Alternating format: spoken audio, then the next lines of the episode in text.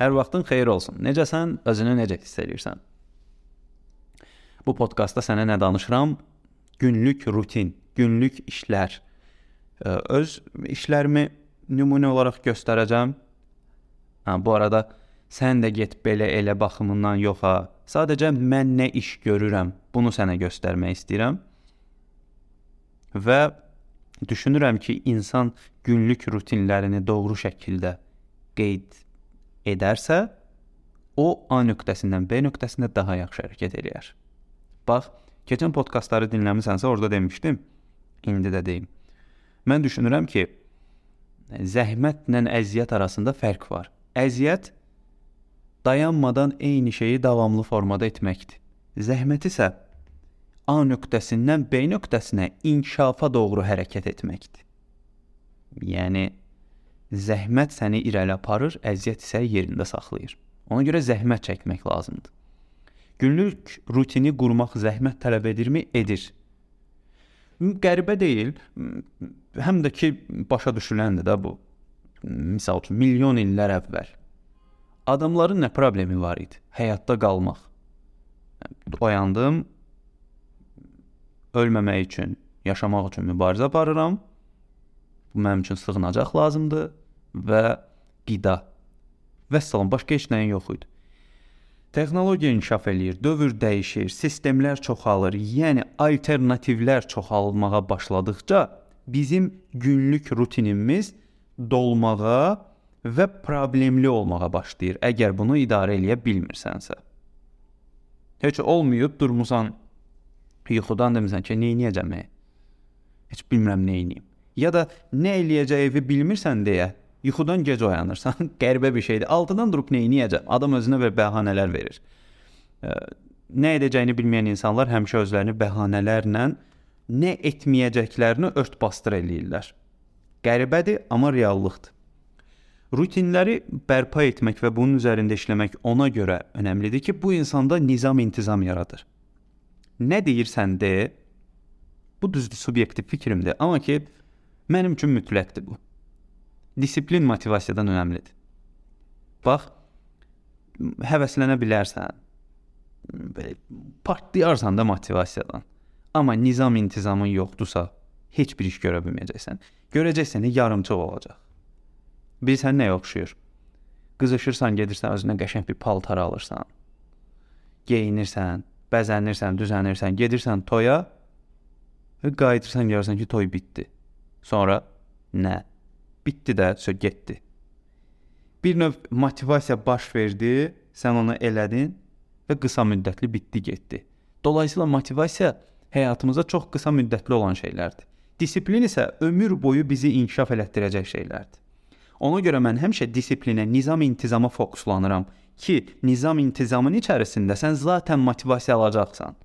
Yəni əgər sənin davamlı olaraq kitab oxumaq nizam-intizamın varsa, adi bir şey belə sənə motivasiya verib o kitabı sənə oxutduracaq. Yox, nizam-intizam yoxdursa, öldü o məsələ. Bax, situasiya bundan ibarətdir. Mən nə edirəm? Həyatımı bölmüşəm 3 hissəyə. Şəxsi həyatım, sosial həyatım və karyera. Şəxsi həyatımda mənim şəxsiyyətimi inkişaf elətdirə biləcək şeylər nəzərdə tutulur. Sosial həyatımda mənim sosial fəaliyyətdə dostlarla, insanlarla sevgi münasibətləri və s. və s. münasibətlər nəzərdə tutulur. Karyeramda isə işlə bağlı olan məsələlər. Bu üçünün balansını tutduğum zaman bu həyat tərzinə çevrilmiş olur və burada öz sözümü demək istəyirəm. Bir şeyi həyat tərzinə çevirmirsənsə, o səni inkişaf elətdirmir. Çünki bax, indi bax qulaq diqqətlə bura qulaq as.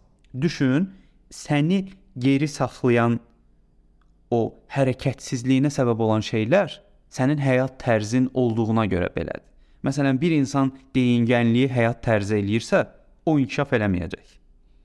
Çünki adam dayanmadan deyinməyi seçib. Şikayət eləməyi seçir. Durmur da, bu qardaş işləmir bu. Bu bunu seçib. Səni hərəkətdən saxlayan şeyləri bir dənə düşün. İndi mən danışa-danışa. Bax o sənin həyat tərzin olduğuna görə bu vəziyyətdədir. Həyat tərzin olmasaydı, sən indi belə olmazdın. Və özündə düzəltmək istədiyin şeylərə diqqət et. Məsələn, deyək ki, idman eləmək istəyirsən, qidanı dəyişmək istəyirsən, düşüncələrini dəyişmək istəyirsən, necə çətindir. Gördür, görürsən ki, onu eləyə bilmirsən, yenə vərdiş elədiyin həyat tərzinə qayıtsan ki, əşi eləyərəm. Burada da yaranır prokrastinasiya, ertələmə problemi. Dayanmadan ertələyirsən. Bax, bunlar hamısı bir-birinə zəncirvari formada bağlıdır deyə biri başqalarına da təsir göstərib ümumi olaraq problemi ortaya çıxarırlar. Mən ə, e, şəxsi sosial və karyera həyatımı bir-birinə assosiasiya etmişəm. Bunu necə etmişəm? Yəni mənim gedib hansısa kofe shopda oturub kofe içməyim, sinif yoldaşlarımın dəvəti ilə çayxanada nərtaxta oynamağımdan tutmur, X adlı dövlət və ya özəl şirkətin rəhbər heyətinə keçdiyim təlim məsələsinə qədər şəxsi, yəni karyera hamısı mənim həyat tərzimi daha da yaxşılaşdırmaq üçündür əslində. Mən bunu necə eləyirəm? İşimlə assosiasiya eləmişəm təbii olaraq. Bu hamı bunu belə eləməlidir iddiasında deyiləm. Mənim həyat tərzim bu şəkildədir. Yəni mən gedib oturub hardasa kofe içirəmsə, asudə vaxtım belə mənim sosiallaşmağıma və gələcəkdə karyerama təsir göstərir. Yəni mən belə bölmürəm də, bunu eləyirəm ki, gələcəkdə mənim yaxşı işim olsun. Mən bunu tərzə çevirmişəm. Və tərzə çevirdiyim zaman çox rahatlayıram əslində. Yəni gündəlik misal üçün baxırsan ki, hamı qaçır, or, qaçır ora bura. İş, güc, problemlər, yüklənirik, yüklənir. Oy da işdən çıxdım, gəldim, elədim. Mən belə eləməmişəm. Tamamilə bunu özümdən çıxarmışam və mən həyat tərzinə çevirmişəm ki, bunu həyatın bir hissəsidir. Və bu həyatın bir hissəsi olduğuna görə çox da bunu problem eləyib e, bunu çox bir dəhşətli hala gətirmək istəmirəm. Gətirdiyim zaman da zaten heç bir nəticə əldə edə bilmirsən də deyinməyə başlayırsan. Ona görə bunları bir-birinə balansını tutmağa çalışmışam. Daha sonra şəxsi, sosial və karyeram üçün nəzərdə tutduğum planlamalarım var. Gəlir planım, xərclər planım, qidalanma planım, idman planım və s. Bunun hamısını planlı şəkildə saldığım zaman məndə nizam-intizam formalaşır. Məsələn, Mən gündə 2 ya 3 amerikano içməliyəm, kofe. Bu mən kulan belə olmaq istəyirəm və sahil üçün nəzərdə tutulmayıb, sağlamlığım üçün nəzərdə tutulub. Əvvəllər çəkim çox olanda 4 litr yarım, 5 litr arası su içirdim. Çəkim azaldıqca bunu yendirdim 2 litrə. Yayda 2 3 litr su, 2 litr yarım, 3 litr, qışda 2 litr su içirəm hər gün gündəlik qida rutinim var. Bunları eləməliyəm. Məsələn, deyək ki, yumurta kəsmək, bal, yağı da ola bilər, pendir də ola bilər və s. Hə, məsələn, qidalanma ilə bağlı podkastda demişdim. 70% sağlam qidalanıram, 30% zərərli. Zərərli şeyləri çox ə, az yeyirəm və çox qısa müddətli olur. Məsələn, həftədə 2 gün zərərli yeyərəmsə, qalanları sağlam qidalanmadır ki, o balansı orada özü qoruyur. Daha sonra hər gün filmə baxmalıyam. Film dediyim zaman psixoloji filmlər ola bilər, aksiyon ola bilər, detektiv, nə ürəyin istəyir. Hansı ki, oradakıları analiz edirəm. Bu mənim analiz bacarığımı artırır. Podkast dinləyirəm, kitab oxuyuram və səsli kitab dinləyirəm. Bunlar mənim gündəlik olmazsa olmazlarımdır. Məsələn, mən bunları hər gün çatdırmalıyam. Məsələ budur. Daha sonra tutaq ki, beynimdə nə qurmuşam? Xərclərim var da, mənim xərclər planlamamda, planlamamda nədir? Mən bir şey əldə etmək istəyirəmsə, onun ödənişini eləyəcəm. O ödənişi ona görə eləyirəm ki, məndə məsuliyyət yaransın. Həqiqətən, məsələn, mən biznes idarəetməsi oxumuşam. Biz iqtisadiyyat keçəndə orada pulun funksiyalarını göstərirdilər. Pulun əsas funksiyalarından da biri pul mübadilə vasitəsidir. Mən onu ödəyirəm ki, o mənə xidmət göstərsin. O mənə yaxşı xidmət göstərməsi üçün mən ona ödəniş eləyirəm. Ödəniş də məndə dolayısıyla məsuliyyət artırır. Mən ona görə ödəniş eləyirəm ki, oradan nəsə əldə eləyim.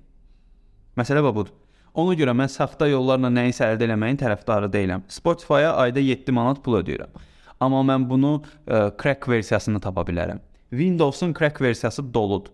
Amma mən bunun pullu versiyasını alıb istifadə edirəm ki, adamlar mənə xidmət göstərir. Mən bunu ödəyirəm. Bu məndə həm də məsuliyyət yaradır ki, mən işləməliyəm, çalışmalıyam ki, bu xərcləri ödəyim. Bunlar insanın disiplininə əməlli başlı təsir göstərir. Əməlli başda bunu yoxla. Dəyər yoxlamısansa tam tutacaqsan ki, söhbəti nə demək istəyirəm. Yoxlamamısansa bir neçə dəfə elə gör necə effektiv nəticə olur. Məsələn, xərclərimi hesablayırsan ki, tutaq ki, X adlı bir məbləğ çıxdı ortaya. Oyda nə qədər də, nə qədər çoxdur. Amma vallah sən onu həyat tərzinə çevir, görəcəksən ki, o xərclərdən daha çox gəlirin artacaq. Məsələ budur. Biz elə bil ki, imkanları gözlədiyimiz zaman, məsələn, oturub gözləyirsən ki, nə vaxt olacaq, e, gələcək. Sənin bəxtin gətirib də, məndə belə deyil. Əş səndə belədir də.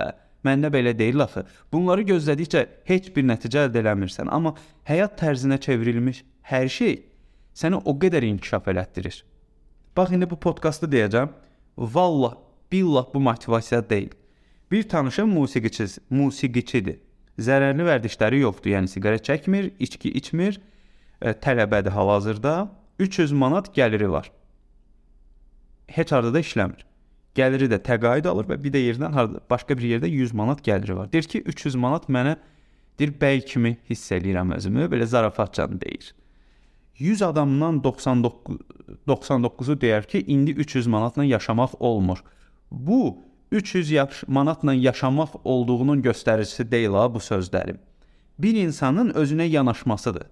Pulun doğru idarə edilməsinə bağlı podkastda da demişdim. Əgər sən idarə eləyə bilmirsənsə, 300 manatını da neqativ yönə xərcləyəcəksən. 3000-i də, 30000-i də.